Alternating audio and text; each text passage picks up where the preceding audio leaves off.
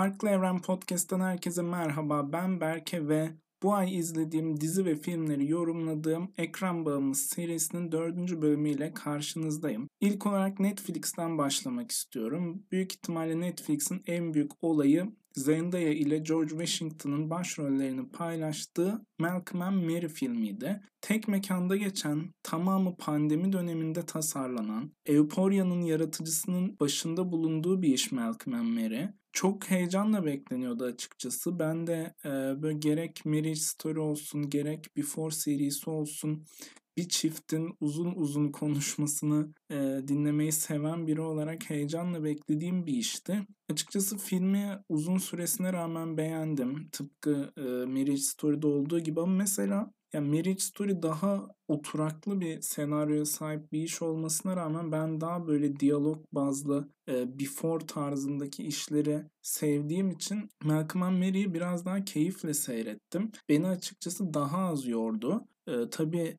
mesela oyuncu performansları konusunda falan karşılaştırmakta çok zorlanıyorum. Çünkü burada da çok çok başarılı oyuncu performansları gördük. Özellikle yani birçok kişinin e, Spider-Man filmlerinde bir çocuk olarak tanıdığı Zendaya diğer işlerde kendini inanılmaz kanıtlıyor. Bu da o filmlerden biriydi ve küvetteki özellikle burnunun titrediği sahne inanılmaz iyiydi. Yani orada ne kadar iyi bir oyun sen Zendaya dedim. Beni aşırı inandırdı her iki karakterde. Tabi burada e, diyalogların kalitesinde düşünmek lazım ve diyaloglar tam gerçekten çift kavgası gibiydi. Önce o gecenin değerlendirmesiyle başlayan kavga daha sonra işte ben seni tanıdığımda böyle değildin kıvamına doğru ilerledi. Ve bu sırada da hani gittikçe derinleşmiş oldu aslında. Biz de buna tanıklık ettik. Hani önce e, sinemanın, sinema eleştirmenlerinin eleştirildiği bir yerden daha sonrasında bağımlılıklardan e, ilişkideki bencilliklere falan ilerlediğimiz bir süreç izlemiş olduk ve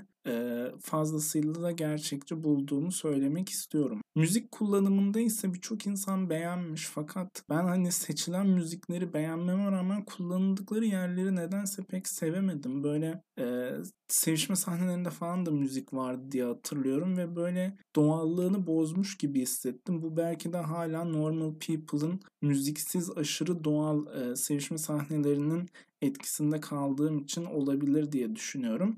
Bir diğer dikkatimi çeken nokta da filmdeki tek plan çekimlerdi. Bunların açıkçası çok zor olduğunu düşünüyorum. Özellikle de böyle sadece iki kişinin olduğu ve oyunculuğun çok kritik olduğu filmlerde herhangi bir hatada baştan alınıyor bu tek plan çekimler ve bunları da çok güzel kotarmışlar. Gerçekten arkasındaki emeği takdir etmemiz gereken bir iş olduğunu düşünüyorum Malcolm Mary'nin. Emeğine saygı duyup duymama konusunda çeşitli kararsızlıklar yaşadığım bir iş de var. O da Netflix'in yerli 50 metrekare dizisi yaratıcılığını ve yazarlığını Burak Aksağ'ın yaptığı bir iş bu. Ki bununla ilgili ayrı bir podcast'te çektim ve orada e, birçok kişi beğenmediği için bunu önden söylüyorum.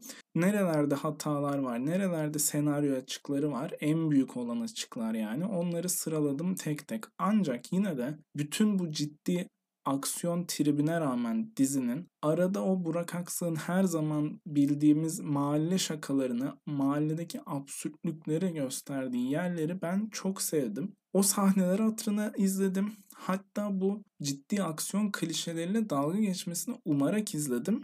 Ancak böyle bir şey olmadı. Tam olarak tam benim istediğim gibi olmadı. Fakat yine de bir umut vaat ediyor. Yani fikir olarak altında parlak bir fikir var. Örneğin bir Hakan Muhafız gibi çöp değil anlatabiliyor muyum? Hani bir başkadırın yanına hiç yaklaşamazken Hakan Muhafız ve Atiye'den bir tık önde olduğunu düşünüyorum. Fakat iyi fikrini uygulamak için senaryodan, yazarlıktan çok fazla ödül Burak Aksak ve bu da bunu Netflix dizisi denildiğimde eskiden aklımıza gelmeyen ama bence şimdi Netflix dizilerinin çoğuna sirayet eden tabire uygun bir dizi haline getirmiş.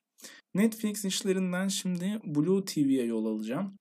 Blue TV bu sıralarda S-Sport ve S-Sport 2'yi de bünyesine katarak inanılmaz bir atılım yaptı ve yine yıllık üyelikle aldığınızda 9.90'a aylık olarak gelecek kampanyasını başlattı. Bence e, alınması gerekiyor.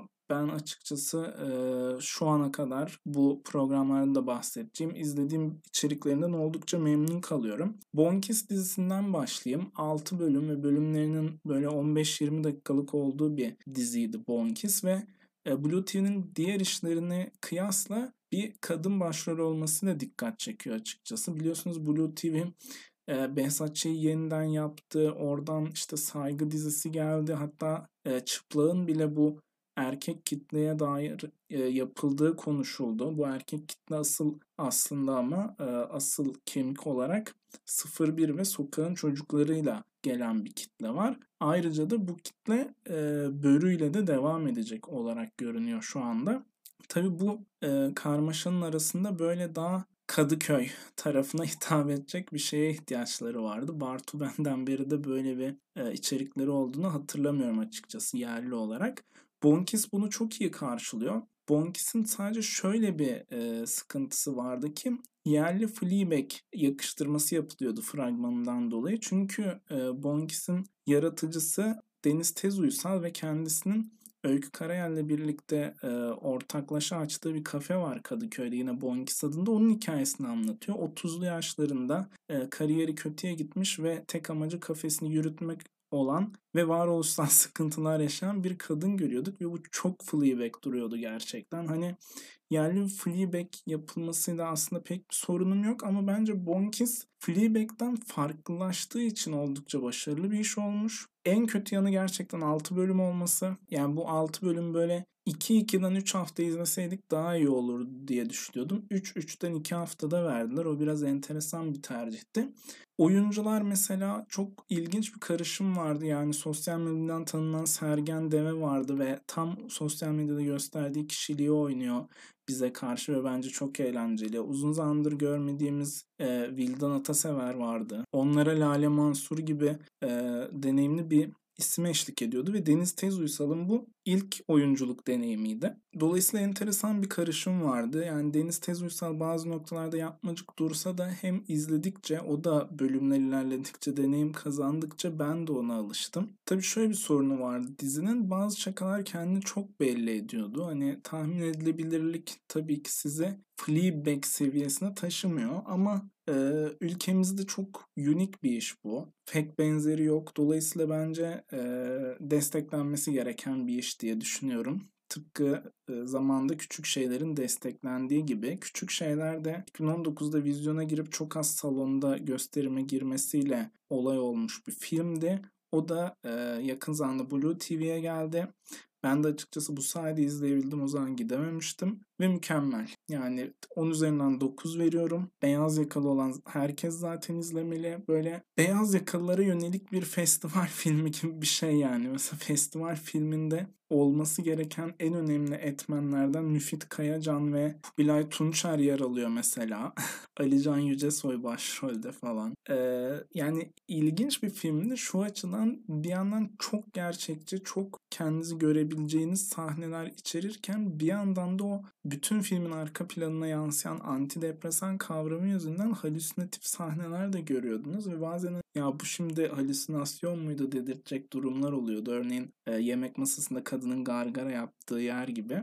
Ve örneğin o yemek masası sahnesi bence hani küçük şeylerin The Muhtar scene açıkçası tek planda olması, kadının arkaya gitmesi, orada arada ona koşturan bir çocuğun gelmesi, en sonunda kadının oturmasına rağmen hiç kat yapılmaması ve kadının gargara yapması, o sırada bütün sohbetin e, karşıdaki oturan, Alican'ın karşısında oturan çift tarafından heyecanla sürdürülmesi falan eğer yani benim gözümün göremediği bir e, kamera oyunu yoksa orada o tek planda çekildiyse inanılmaz başarılı olmuş. Muhtar sahnesi demişken onu da bir zamanlar Anadolu'dan çaldım. Çünkü onu da yeni izledim. Mubi Sevgililer Günü'nde ücretsiz de belki siz de girip oradaki Nuri Bilge Ceylan filmlerine düşmüşsünüzdür. Evet e, Nuri Bilge Ceylan izlemeye yeni başladım. Ahlı Tacı ile başladım. Şimdi onun e, masterpiece'i denilen bir zamanlar Anadolu'ya geçtim ve açıkçası evet gerek o Anadolu'nun tasviri olsun, gerek e, yaratılan karakterler olsun masterpiece'lik akıyor filmden. Fakat e, hem olan olayların geçtiği coğrafya hem komedi oyuncularından yaratılan o e, muhteşemlik hem de e, karakterin dertlerine benim daha iyi empati kurabilmem sebebini ahlat tacının etkilediği kadar beni etkilemedi. Ha yine de yani böylesine üç karakteri hani komiser, e, doktor, savcı olarak düşünüyorum. Bir araya getirip onların içinden yarattığı bir dramı bu kadar vuruculaştırması inanılmaz. Ahlat Ağacı'nda da bunu yaşamıştım. Yani aslında çok ufak bir ana fikri var filmin. Hani hayatımızda çok denk geldiğimiz bir şeyden bahsediyor ama bunu 3 saati yayarak vurucu olmayı başarıyor. Yani o herhangi bir dramını alsanız ard arda dizseniz mesela kalitesiz bir iş ortaya çıkarıyorsunuz. Mahsun Kırmızıgül filmi ortaya çıkarıyorsunuz mesela ama Nuri Bilge Ceylan onu alıyor ve e, nakış işler gibi işliyor ve iki buçuk saat sizi de koltuğa dikiyor açıkçası. Muhtar sahnesinde de Ercan Kesal'da bir selam yollamak gerekiyor diye düşünüyorum. Ve aslında kadın komedi işinden bahsederek atlamak istediğim Leslie ile stand-up'a geçiyorum. Bu da Blue TV'de gördüğüm bir iş kadın komedyen olmasıyla ön, ön plana çıkan bir iş ki bu e, ülkemizde çok az gördüğümüz bir durum. Dolayısıyla desteklenmeleri gerektiğini düşünüyorum. Özellikle Tuz Biber'de çok iyi işler çıkıyor. Ama işte e, Leslie için aynısını söyleyemeyeceğim. Bunu pek beğenemedim. Yani kendisi çok hevesli. Asıl e, mesleği asla bu değil. Çok sonradan yapmaya başlamış falan. Belki oradaki nesil farkından bana hitap etmedi bilemiyorum. Ancak çok popülermiş. Dolayısıyla insanların bir bildiği vardır diye hala e, düşünmek durumundayım. Diyorum ve asla bu kadar kaliteli olmasa da burada saydıklarım kadar kaliteli olmasa da heyecanla izlemeye devam ettiğim WandaVision'da eğer ki süper kahraman seviyorsanız izlemeniz gerektiğini söyleyerek veda edeceğim. Her haftada WandaVision incelemeleri Farklı Evren Podcast kanalında yer alıyor arkadaşlar. Onlarda veya bir başka ekran bağımlısı bölümünde görüşmek üzere.